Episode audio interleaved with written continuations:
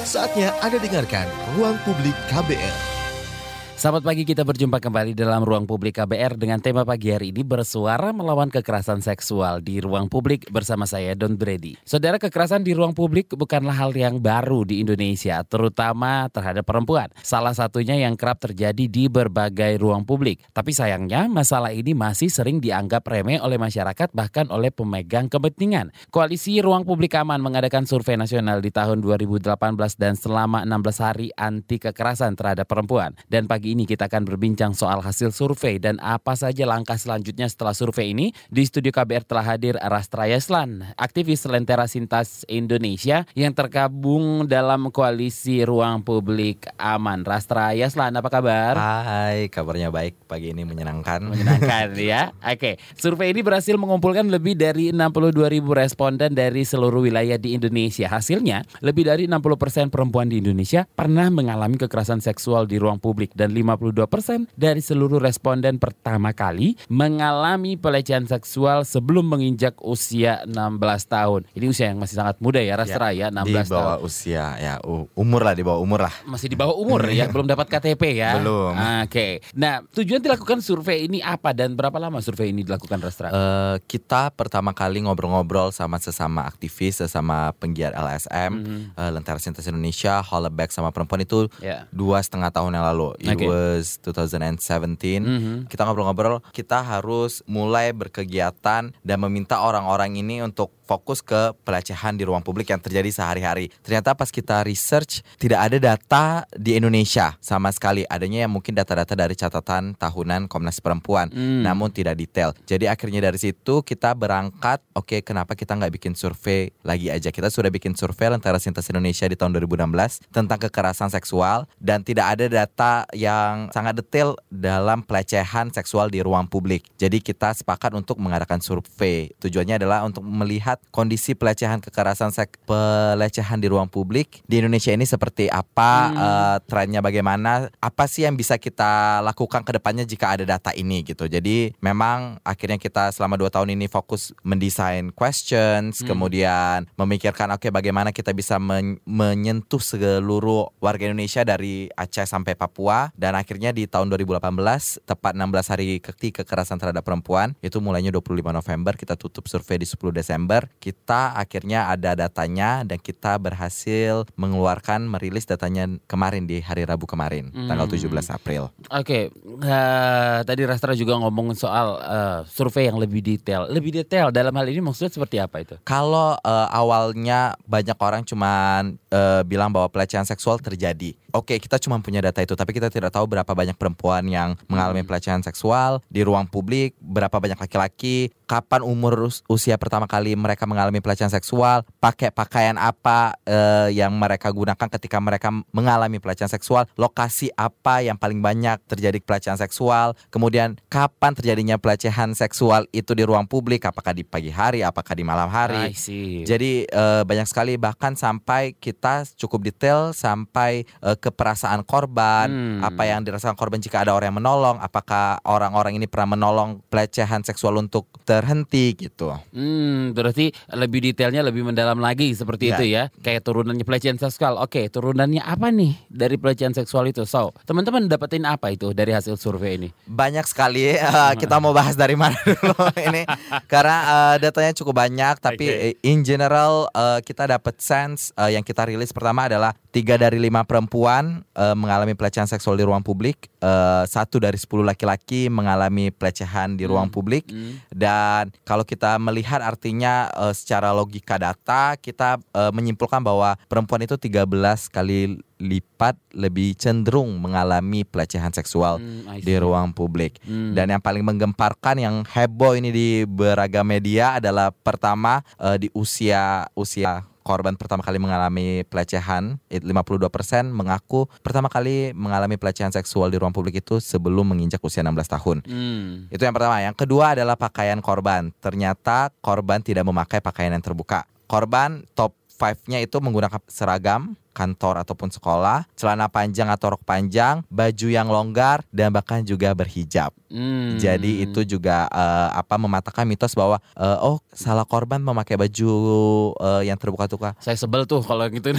Jadi selalu menyalahkan korban padahal uh, faktanya mau pakai pakaian apa pun, yeah. menurut data ini ya mau pakai pakaian apa pun Anda bisa menjadi korban. Mm-hmm. Dan juga ketika uh, waktu terjadinya adalah paling banyak itu di siang hari 35%. Justru di siang hari. Diikuti okay. malam hari, kemudian sore hari dan pagi hari. Oke. Okay. Apakah para uh, yang disurvei itu tahu kalau mereka itu mengalami pelecehan? Jadi dari survei itu tentu kita tanyakan yeah. uh, apakah anda pernah mengalami pelecehan atau tidak. Jika mereka pernah, kita explore lagi. Jika tidak, mereka uh, masuk ke question seperti apakah anda pernah menghentikan pelecehan seksual ketika anda melihat pelecehan seksual itu terjadi. Hmm, Oke, okay. nah uh, respondennya siapa saja dan uh, rentang umur berapa kemarin, Rastra? Kita respondennya cukup inklusif dan demografinya sangat lebar ya. Pertama dari rentang usia dari di bawah 16 tahun kita rekam sampai yang paling ada datanya adalah di atas 65 tahun. Jadi di atas 70 tahun itu sudah tidak ada. 65 tahun itu nah di atas 65 tahun itu ada yang mengisi. Kemudian dari 34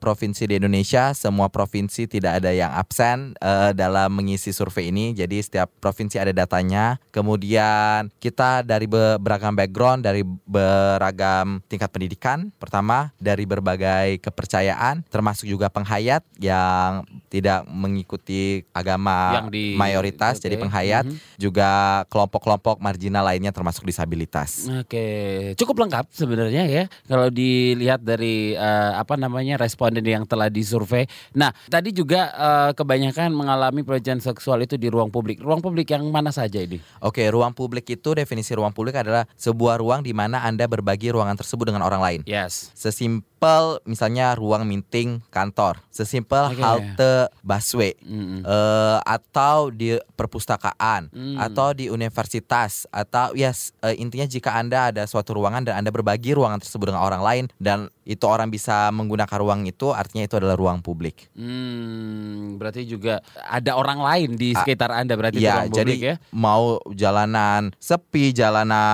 ramai, alun-alun kota, uh, semuanya termasuk ruang publik jika memang Anda berbagi ruangan tersebut itu bukan ruang privat Anda di situ. Hmm, Oke, okay. kalau ngomongin soal tantangan di Restra, apakah tantangan ada tantangan yang di, ditemui saat melakukan survei? Dua tahun ya kita ini akhirnya berhasil mengadakan. Kita tantangannya cukup pertama mendesain pertanyaan-pertanyaan yang memang kita butuhkan karena kita tidak mau pertanyaan-pertanyaan ini justru uh, bias ke satu sisi. Jadi kita memang membuat pertanyaan yang sangat netral. Namanya juga ini survei. Yang kedua juga kita mencari platform yang bisa bisa menjangkau seluruh Indonesia. Akhirnya hmm. kita bekerja sama dengan change.org. Ya, this is the second time we are partnering with them. Uh, survei kita yang pertama di tahun 2016 tentang kekerasan seksual juga sama mereka dan mengumpulkan 25 responden. Kali ini dengan change dan database juga dibantu dengan para influencer, dibantu dengan teman-teman yang ada di Twitter, Instagram. Finally we reach 62 ribu lebih responden, responden dari seluruh hmm. Indonesia. Jadi memang tantangan kita kemarin sempat ada ketakutan bahwa bisakah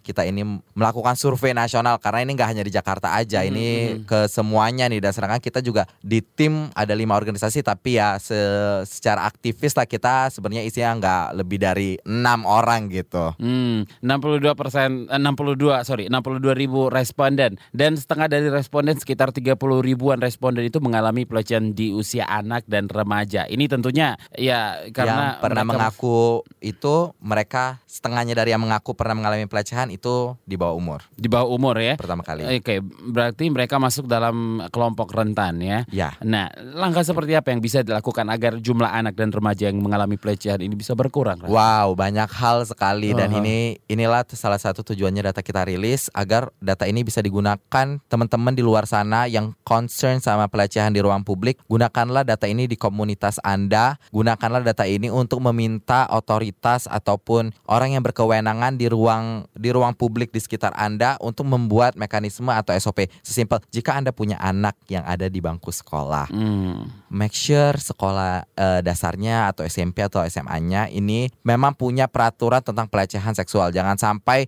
ternyata ada pihak sekolah yang melecehkan atau sesama teman melecehkan anak Anda. Jadi make sure gunakan data ini minta pihak sekolah untuk apa kayak bikin SOP bikin mekanisme ya memang menjamin bahwa oh ruang publik ini yang adalah itu sekolah ini aman untuk orang-orang yang menggunakan ruang publik itu terbebas dari pelecehan seksual. Mm-hmm. Bisa di kantor, bisa di universitas Anda, bisa di jika Anda memang ada di coworking space gunakan uh, data ini juga untuk meminta coworking space owner untuk membuat mekanisme atau membuat peraturan bahwa ini bebas pelecehan seksual atau jika sesimpel Anda ada kafe favorit, gunakan data ini misalnya di kafe favorit ada pelecehan seksual, gunakan data ini untuk menstop pelecehan seksual jika ada Anda mendengar di jalanan ada orang yang disalahin karena aduh salah kamu sih pakai bajuan atau keluarnya malam dan lain sebagainya. Hmm. Gunakan data ini untuk diam dulu bro. Anda ada mitos ini nih, mohon maaf nih. ya, ini faktanya adalah ini nih. Jadi okay. jangan apa menyalahkan korban Betul. lah. Oke, okay. saya jadi penasaran, bisa gak sih dikasih tahu top 3 dari tempat ruang publik itu yang paling banyak mengalami pelecehan seksual itu di mana? Kalau top 3-nya yeah. itu ada di kita ngomongin transport eh tunggu. Top transportasi umum kah atau uh, kita bahkan kantor kita tidak tahu. Ternyata di kantor itu banyak sekali terjadi pelecehan seksual. Sebenarnya oke. Okay. Atau, atau bahkan Pertama, perpustakaan. kita fokusnya di jalanan umum top 3. Yang pertama di jalanan umum. Jalanan umum Jelas. itu termasuk di yeah. dalam bus, uh, kereta, terus juga jalanan umum itu kayak jalanan uh, kayak cat calls yang bisa terjadi. Iya itu masih banyak pokoknya bentuknya, tempatnya, bentuknya. tempatnya jalanan umum. Jadi kayak jalanan aja uh. atau pokoknya jalan umum. Yang kedua itu adalah transportasi umum termasuk halte. Oh, okay, nah ini yang kita explore kita kita explore lebih dalam di sini. Dan yang ketiga adalah sekolah dan kampus. Hmm. Berikutnya lagi nanti ada apa uh, di kantor, di tempat kerja dan lain sebagainya. Tapi kita akan fokus uh, yang kita rilis tiga ini jalanan umum, transportasi dan juga sekolah dan kampus. Nah di transportasi umum ini yang paling pertama banyak itu ada di bus. Di bus ya. Yang kedua ada di angkot. Oke. Okay. Yang ketiga ada di kereta atau KRL. Uh -huh. Bersamaan juga dengan ojek online. Uh -huh. Dan juga diikuti kemudian dengan ojek konvensional. Oh oke. Okay. Nah ternyata top 3 itu ada malah di jalanan umum. Terus juga di transportasi umum. Dan yang ketiga di uh, sekolah. Di sekolah. Uh, institusi pendidikan. Institusi pendidikan. Sekolah dan kampus. kampus. Di SMP? Ah Hmm, ada. ada. Sesimpel uh, oke okay, Lentera Sintas Indonesia sendiri selama empat tahun ini setiap masa MOS ya MPLS kita nyebutnya kita ke sekolah-sekolah yeah. mendidik teman-teman untuk oke okay, kekerasan seksual itu apa, pelecehan seksual itu apa. Dan tidak banyak kita temuin anak-anak SMP atau SMA ini cerita ke kita. Bahkan sesimpel misalnya ada satu sekolah yang kita datangi akhirnya ininya cerita bahwa oh ya saya pernah kak di apa dilecehkan dalam artian dalam komentar atas tubuh. Jadi bentuk pelecehannya adalah komentar atas tubuh yang dilakukan oleh guru. Tapi mereka sudah tahu arti pelecehan seksual itu ya, seperti apa? Setelah kita datang, kita jelaskan, Akhirnya oh kekerasan seksual seperti ini, pelecehan seksual. Oh iya, saya pernah mengalami itu. Tapi sebenarnya ketika mereka mengalami itu, mereka merasa tidak nyaman. Sebenarnya itu adalah sudah indikator bahwa mereka mengalami, mengalami pelecehan, pelecehan seksual. Oke, nanti setelah break kita akan tanya ke Rastra bentuk pelecehan seksual yang dialami responden selama melakukan survei itu apa.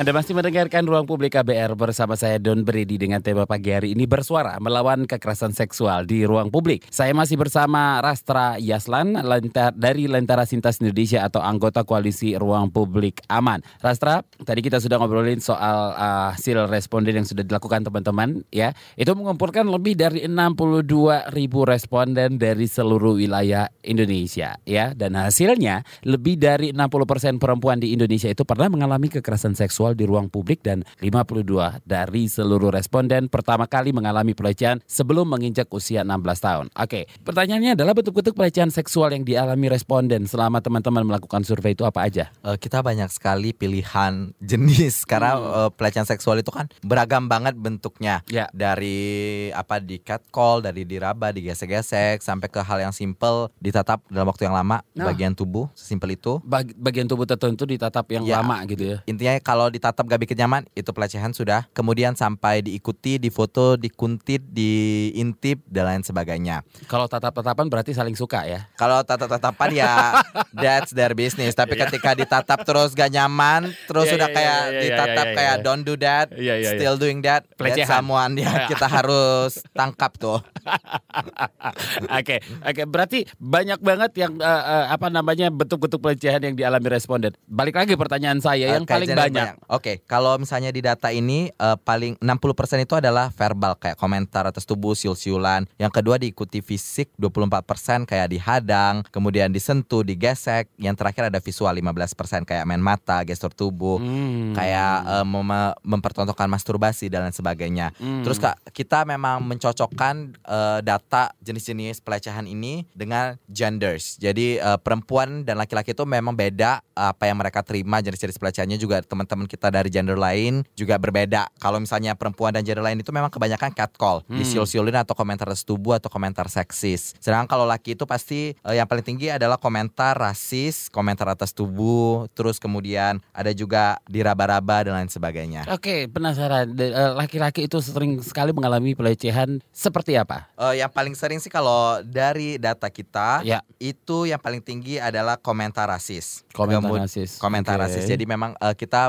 meliput segala pelecehan di ruang publik. Kalau di adalah pasti orang yang gitu eh lu dasar orang ini lo yang gini-gini yang memang hmm. membawa rasis. Kedua disentuh dan komentar atas tubuh. Jadi komentar atas tubuh itu seperti catcall yang kayak oh bisapnya bagus nih atau hmm. apa atau hmm, hmm. sesimpel kayak oh gendut banget orang ini. Wah sering tuh. Oke. Okay. Disentuh. yang ketiga kemudian digesek dan diraba atau dicengkram dan komentar seksual. Hmm, alright. Nah, jadi balik lagi pertanyaan saya, para responden itu tahu ya mereka itu itu sudah uh, uh, mengalami pelecehan? Tahu. Ketika mereka jawab pernah, jadinya mereka tahu ya. Tahu. Oke, okay, Rastra saat ini uh, sosial media semakin berkembang dan pelecehan uh, tentunya tidak hanya terjadi secara langsung tapi juga bisa di dunia maya, ya, ya. kan? Nah, apakah tempat terjadinya pelecehan di dunia maya dan ruang publik membawa dampak berbeda? Uh, sebenarnya uh, salah satu limitasi ketika kita merilis uh, data ini adalah hmm. himbauan bahwa kita tidak bisa melihat tren atau data yang menunjukkan bahwa oh pelecehan seksual di ruang publik di digital juga. Hmm. Kita tanyakan itu kepada responden kita namun datanya tidak terlalu mencukupi untuk kita highlight lah. Jadi memang kita untuk survei kali ini kita memang fokus di dunia nyata. dunia nyata ya. di dunia fisik kita sekarang, time space reality kita sekarang. Kita memang sekarang itu hidup di dua dunia ya, yeah. luar biasa. Jadi untuk okay. di Maya we would love to focus on that. Sebenarnya kita juga ingin mendapatkan data-data tersebut namun dari 62 responden kita tidak menunjukkan data yang uh, signifikan untuk kita highlight di dunia, dunia digital, digital. Ya. Kita kan tanyakan itu uh, ada datanya namun cukup sedikit jadi kita tidak terlalu highlight gitu. Kita kita fokus ke memang yang memang highlightnya gede, data-datanya juga important dan kita bring this dan lebih kita advokasi lah data-data yang lebih important ini ya. tapi uh, akankah membawa dampak berbeda kepada para korban misalnya? Uh, ya memang sangat berbeda sih hmm. ketika terjadi di dunia kita sekarang. apa sih kita nyebutnya selain dunia nyata? It's weird. Uh, dunia maya dan dunia apa sih? Dunia mata, dunia nyata dan dunia dan panggung sandiwara ini gitu. uh, Oke, okay, ketika terjadinya nyata ke one on one face to face langsung yeah. tidak di dunia maya, tentu beda sama traumanya dengan yang ada di dunia maya. Uh. Dan lah, sekali lagi ketika di dunia maya memang ketika itu terjadi berkali-kali itu juga traumanya bakal sama juga sih. Tapi hmm. memang berbeda ketika di dunia maya you never know uh, apa orang ini seperti apa, that, the yeah. man behind that. Jadi it's more of kayak psychology side of it kayak mind tricking. Tapi ketika di dunia nyata you know the person and uh, apalagi ketika disentuh mm. itu kan artinya sudah ada kontak fisik dan yeah, itu traumanya juga lebih tidak hanya uh, memori fisikis kita yang terkena tapi juga tubuh kita juga merekam itu. Kan ketika ada yang mencolet di sini pasti bagian tubuh tersebut terekam dan ketika kita melihat bagian tubuh itu lagi juga kerimain uh, ya. terimain ada memori-memori mm. uh, tersebut. Dan memang uh, aku tidak bisa berbicara banyak karena memang di survei kita kita emang fokus di dunia yang bukan dunia maya ini.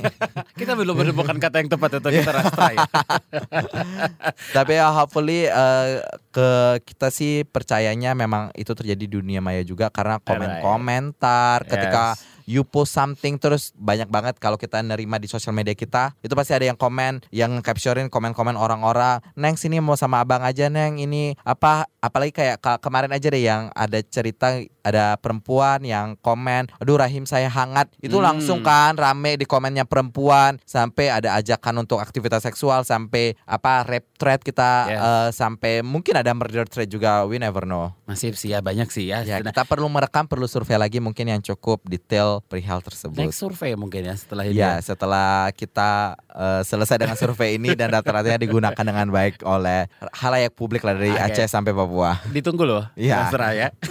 Oke, okay, by the way, apa sih sebenarnya mitos-mitos seputar pelecehan seksual yang masih banyak percaya masyarakat? Padahal itu keliru. Banyak banget, sesimpel tadi yang kita sudah cukup sedikit bahas pakaian. Katanya pelecehan seksual hanya terjadi kepada pakaian yang revealing atau yang mengundang atau yang terbuka. Hmm. Data kita tidak mereveal seperti itu. Coba deh di di di di jembrengin itu penjelasannya seperti apa yang terbuka tertutup itu gimana sih sebenarnya uh, Rastra? Aku juga nggak tahu sih ketika orang bilang kayak ya dasar lo sih terbuka kayak terbuka bagaimana karena uh, kalau misalnya aku misalnya ke sekolah-sekolah nih ketika apa uh, anaknya uh, anak-anak SMP aku bilang kayak ketika ada yang nyul-nyulin itu salah korban atau salah pelaku. Cowok-cowok tentunya sepakat ya salah korban lah Kak gini gini gini tapi karena? karena ya mungkin dia mengundang mungkin dia gini gini terus aku tanya lagi ke anak-anak yang perempuan di kelas itu di aula tersebut oke teman-teman SMP sama di sini coba angkat tangan yang pernah disiul-siulin sepulang sekolah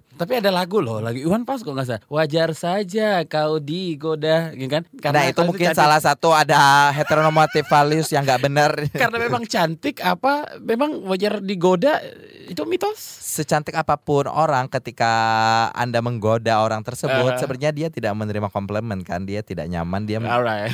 menangkapnya bukan itu sebuah pujian tapi okay. pelecehan gitu oke okay. balik lagi ke pakaian yang terbuka ya tadi. jadi eh, pas ku tanya lagi ke teman-teman perempuannya uh -huh. di sesama sekolah ah, pada ngangkat tangan semua. Pulang sekolah mereka angkat tangan disiul-siulin digoda-godain dan kalau pulang sekolah pakai baju apa coba? Pakai baju yang nggak sopan? Apa? Ya pasti pakai pasti pakai baju seragam dong gak, ya seragam sekolah. Sekolah mana sih yang uh, seragamnya nggak sopan? Show me which school is that? Kalau so, ada gue masuk deh gitu. Ya artinya hal yang tersebut itu aja udah bisa dibantah yeah, yeah, bahwa yeah, yeah. anak-anak sekolah yang pakai pakaian sekolah aja itu digoda-godain. So pakaian itu adalah bukan penyebab uh, pelecehan seksual itu terjadi tetapi adalah niat emang niat pelaku aja ingin mungkin gak ada kegiatan mungkin emang jahat dan lain sebagainya dan terbukti dari hasil survei itu menempati urutan keberapa tadi uh, kita yang pertama itu adalah pakai kalau hijab itu dia di urutan ketiga atau kedua. Aku lupa. Hmm. Ada aku ingat 17% yang pakai hijab tetapi bukan penting urutan-urutannya, hmm. tetapi yang kita ingin tunjukkan di sini bahwa oh responden itu kita merekam banyak data responden pakai baju apa aja. Jadi hmm. uh, it's not about yang hijab dan gak berhijab, ya, ya. tetapi hmm. oh ternyata yang hijab juga ada yang Betul. kena pelecehan. Data top 5 kita adalah pertama tadi adalah uh, seragam sekolah, celana ada rok panjang. Oke. Okay ada seragam sekolah atau seragam kantor, kemudian uh, baju longgar, hijab dan juga satu lagi aku lupa pakaian apa. Jadi top 5 itu. Hmm. Kalau aku boleh intip-intip lagi nih. Silakan uh, diintip. Di contekan aku. Hmm. Oke, okay, yang paling pertama adalah rok dan celana panjang 18%. Kemudian yeah. diikutin yang kedua hijab 17%, yang ketiga okay. baju dan lengan panjang 16%, seragam sekolah 14%, baju longgar 14%. Ah, sudah jelas sekali mitos ternyata ya itu kalau memakai baju yang deskripsi mengundang itu seperti apa belum ada sampai sekarang maksud saya. Ya itu kayak cuma alasan orang untuk nyalahin aja iya, sih ya, dan nggak mau disalahkan. Kita akan bacakan WhatsApp yang sudah masuk tapi nanti ya habis jeda jangan ke mana-mana tetap di ruang publik KBR.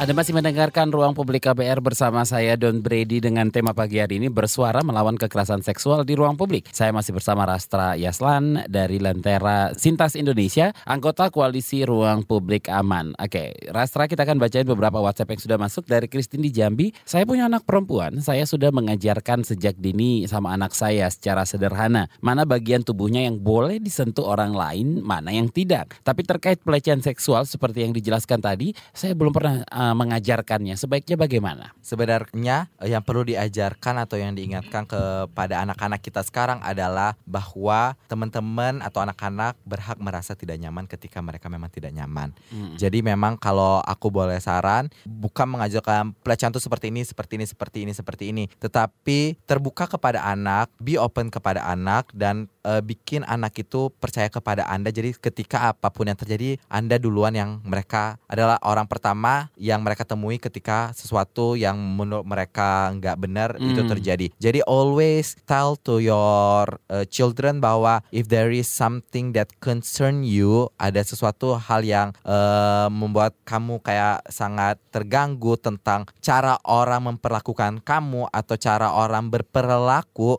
please feel free to come to mom or mm. to come to dad to tell your concern. Mm-hmm. Ja, karena orang sekarang ketika uh, anak kecil itu tuh sebenarnya mereka tuh masih lugu-lugu banget. Jadi ketika mereka merasa nyaman, mereka feel free kan sebenarnya. Ya aku nggak suka tidur siang, aku nggak suka ini. Mereka menyatakan perasaannya perasaannya. Nah jangan sampai kita membungkam anak-anak ini untuk menyatakan perasaan-perasaannya sehingga mereka tidak mau cerita apa apa yang terjadi ke mereka. Dan always ketika mereka ada concern, dengarkan anak dengan baik. Oh oh oke, okay.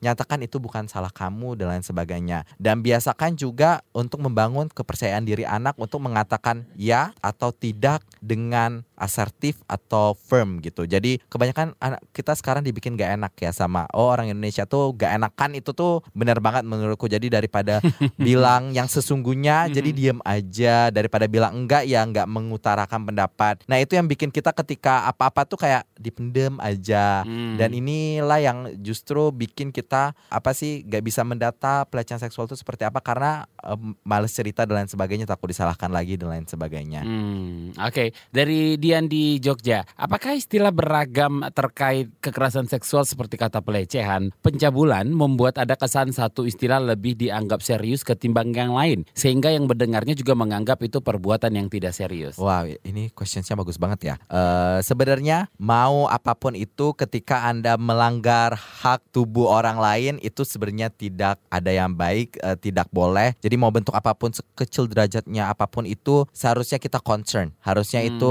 kita anggap penting lah sebuah isu yang penting harus kita selesaikan. Nah untuk pencabulan sendiri dan lain sebagainya itu hanya definisi kalau kita lihatnya di aktivis uh, itu untuk memudahkan orang oh ini sebuah pelecehan, ini sebuah pencabulan, ini dan lain sebagainya. Karena kalau kita konsul lagi ke hukum kita, kita belum ada payung hukum untuk ketika anda melakukan anda mengalami pelecehan seksual kita belum bisa ngelapori pelecehan seksual ini ke polisi karena ah. polisi juga tidak bisa melakukan apa-apa karena tidak ada dasar hukumnya. Yang ada di hukum kita hanya adalah perkosaan dan pencabulan. Dan perkosaan pun sangat ini ya definisinya sangat sempit sekali. Jadi perkosaan itu dikatakan perkosaan adalah jika adanya penis dan vagina hmm. dan adanya cairan di vagina hmm. dan lain sebagainya. Tapi ketika anda diperkosa dengan alat lain seperti tangan atau sebagai alat-alat lain itu termasuk uh, dimasukkan ke pencabulan yang sebenarnya hukuman pelaku itu sangat rendah. Hmm, Boro-boro hmm. kekerasan kayak seperti pelecehan ini tidak ada payung hukum yang mengatur. Hmm. Jadi sebenarnya memang derajatnya rendah tapi tapi sekecil apa pun itu itu juga sudah termasuk kesalahan manusia dan kita harus concern dengan hal tersebut. Oke, dari Tri di Jakarta, menurut saya edukasi soal kesetaraan gender dan menghargai tubuh diri sendiri dan orang lain merupakan salah satu upaya mengurangi terjadinya pelecehan seksual.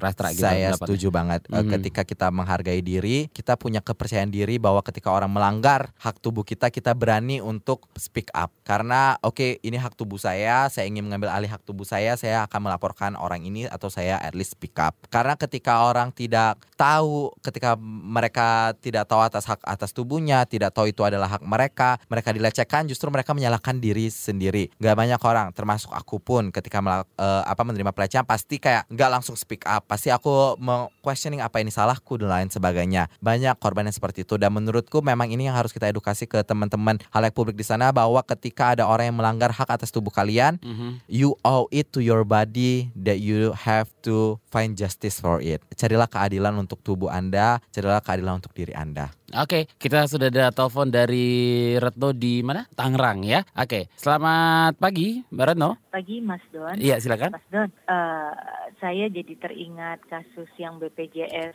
uh, eh, apa di mana atasan melecehkan sekretarisnya atau bawahannya gitu. Mm. Nah kalau yang kayak gitu gimana ya? Kalau menurut saya pastinya bawahan itu takut mm. mau melapor kan dia butuh pekerjaan. Baik. Uh, ya yang seperti itulah kira-kira. Mm. Terima kasih. Jangan sekretaris saya. juga nih Mbak Retno ya. Oke. Baik Mbak Retno, terima kasih. Ras Halo Mbak Retno, uh, good questions. Oke, okay, kalau yang seperti itu, ini kita misalnya apa yang dilakukan korban lah. Hmm. Korban tuh sebenarnya bisa speak up dan mencari lembaga bantuan hukum untuk membantu korban. Taruhannya gak keadilan. Dapat Nah itu tadi taruhannya ada pekerjaannya. Jadi memang ada banyak ketakutan-ketakutan ya. untuk korban melapor. Hmm. Tetapi inilah pentingnya dengan kita ada data yang seperti ini bahwa pelecehan seksual juga terjadi di kantor. Anda-anda yang punya kantor, Anda harus ngomong nih ke eksekutif board, ke HRD, ke siapa pun pemegang kewenangan di kantor bahwa kantor ini harus punya mekanisme, kantor ini harus membuat uh, eh, SOP, kantor ini harus menjamin bahwa semua warga yang bekerja di kantor ini terjamin uh, keamanannya terbebas dari pelecehan seksual. Jadi gunakanlah data ini untuk meminta kantor Anda bikin peraturan ketika ada yang melecehkan, yang melecehkan dipecat. Hmm. Yang seperti itu kita memang nggak bisa menunggu payung hukum ini disahkan RUU penghapusan kekerasan seksual ini disahkan. Sesimpel Anda ngomong ke yang punya otoritas, saya membutuhkan kantor ini untuk aman bagi saya dan teman-teman saya. Bisakah Anda melakukan sesuatu untuk membuat ruangan ini aman dari pelecehan seksual? Alright, mudah-mudahan bisa menjawab uh, pertanyaan dari Mbak Roto tadi ya. Jadi nggak perlu takut? Nggak perlu takut sama sekali.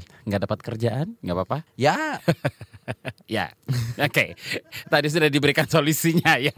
Oke, okay, dari uh, Taufik di Aceh, bila sanksi hukum sulit untuk diterapkan kepada pelaku pelecehan karena aturan hukumnya bisakah diterapkan sanksi sosial berdasarkan kesepakatan suatu komunitas di tempat asal dia pelaku atau daerah sekitar kejadian? Ya, sebenarnya yang kita memang fokuskan ini pertama kalau dalam kekerasan seksual ataupun pelecehan seksual yang kita fokuskan dulu adalah korban. Hmm. Jadi kayak ibarat kata kebakaran deh, ada orang yang ngebakar rumah, rumah Anda kebakaran yang kalian yang dikejar dulu kan bukan pelaku, tapi bagaimana kita nyelamatin barang-barang di rumah yang terbakar. Sama seperti kekerasan seksual atau pelecehan seksual. Ketika itu terjadi yang kita selamatkan dulu korban, bukan mengejar, mengejar pelaku. Jadi kita pertama sebelum mikirin pelaku, kita pikirin korban dulu apakah mereka perasaannya seperti apa, apa yang bisa dibantu dan ketika kita emang udah siap ada energi untuk pelaku yang perlu dipikirkan adalah bagaimana pelaku ini tahu dia salah. Mm-hmm. Pelaku ini jadi dijerat dengan sesuatu yang memang uh, apa sih ada traumanya supaya dia tidak melakukan lagi. Yang kedua harus ada tindakan rehabilitasi. Jadi apa pun sanksinya sosial maupun apa harus menjalankan fungsi ini, menjerat pelaku, apa membuat pelaku itu apa ya namanya jerah uh, dan juga merehabilitasi pelaku agar oh dia ini salah jadi dia tidak akan melakukannya lagi. Hmm. Jadi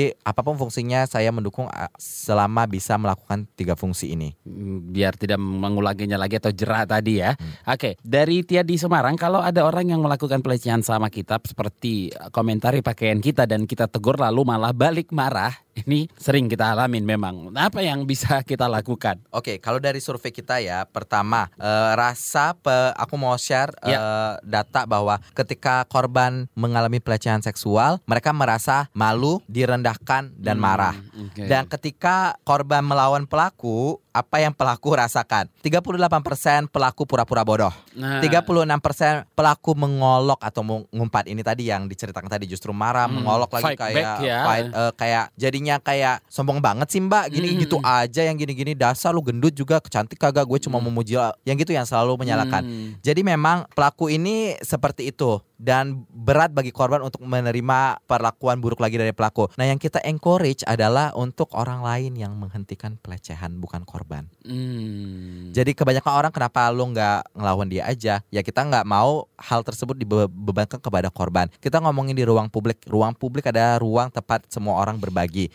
Okay. Ketika pelecehan terjadi antara pelaku dan korban, ada orang-orang lain di sekitar yang sebenarnya juga hak atas ruang aman mereka tuh dilangkahi oleh pelaku. Hmm. Karena pelaku berani-beraninya melakukan pelecehan pelecehan di ruang aman tersebut. Jadi kami mengencourage untuk teman-teman ketika melihat pelecehan seksual, teman-teman menghentikan. Karena 43% responden bilang sudah membantu intervensi, hmm. tetapi Good. kita tanyakan lagi hmm. kepada hmm. responden korban, apa yang akan Anda rasakan ketika ada orang yang membantu menghentikan pelaku. Hasilnya? 92% orang akan merasa terbantu. Hmm. Jadi uh, sekarang kita stop dulu mikirin korban harus ngelakuin apa ketika itu terjadi. Oke, boleh teriak maling, teriak tolong, esong es itu. Tetapi kenapa nggak kita yang melihat, kita yang menyaksikan, kita adalah seorang saksi pelecehan tersebut terjadi, kita menghentikan banyak cara. Kalau kita sama Holeback, kita ke berbagai training-training kita melatih kayak Gojek drivers, kita melatih juga apa personel K MRT hmm. dan berbagai itunya untuk melakukan ada in, lima intervensi yang bisa teman-teman ambil. Pertama, Anda bisa ngomong ke pelakunya langsung, yang lo lakuin itu salah, itu pelecehan, terus kabur. Hmm. Yang kedua, kalau lo emang gak berani negara pelaku, lo jemput korban. Pura-pura kayak misalnya di kereta korban lagi digesek-gesek, you know, hmm. nih orang lagi digesek-gesek. Lu ke korban, pura-pura peluk kayak, pura-pura apa? Tanya jalan kayak, pura-pura ngobrol apa kabar kayak bawa korban menjauh dari pelaku. Oke. Okay. Dan ketika Anda ngobrol sama korban, pasti pelaku juga akan mundur tiba-tiba karena dia sudah tahu oh korban sudah tidak sendiri. Hmm. Yang ketiga, you can document, ada foto, bisa di video. Ah.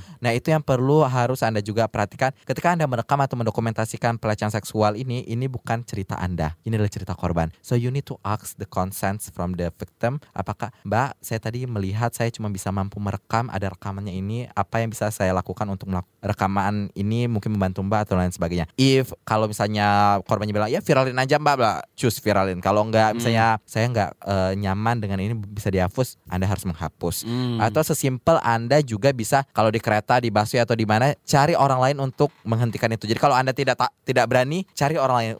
Delegasikan kewajiban tersebut ke orang lain di sekitar Anda. Atau yang terakhir kalau memang Anda tidak bisa melakukan keempat hal yang di atas, yeah. ketika korban setelah terjadi pelecehan dekati korban kayak tadi, mungkin ada yang cerita, ada yang pernah cerita kalau di jalanan pernah ada pengemudi motor lagi jalan pengemudi motor tiba-tiba digrepek payudaranya. Mm -hmm. Itu kan cepat terjadi. Kita nggak bisa ngomong Ngejar ke pelaku juga. dan lain sebagainya. Uh -huh. So we focus on the victim. Jadi tanyakan kepada Mbak, saya tadi lihat itu tidak benar, itu bukan salah Mbak. Uh, apa yang bisa saya bantu ya? Oke, okay, kita break lagi. Nanti kita akan kembali. Jangan ke mana-mana, tetap di ruang publik KBR.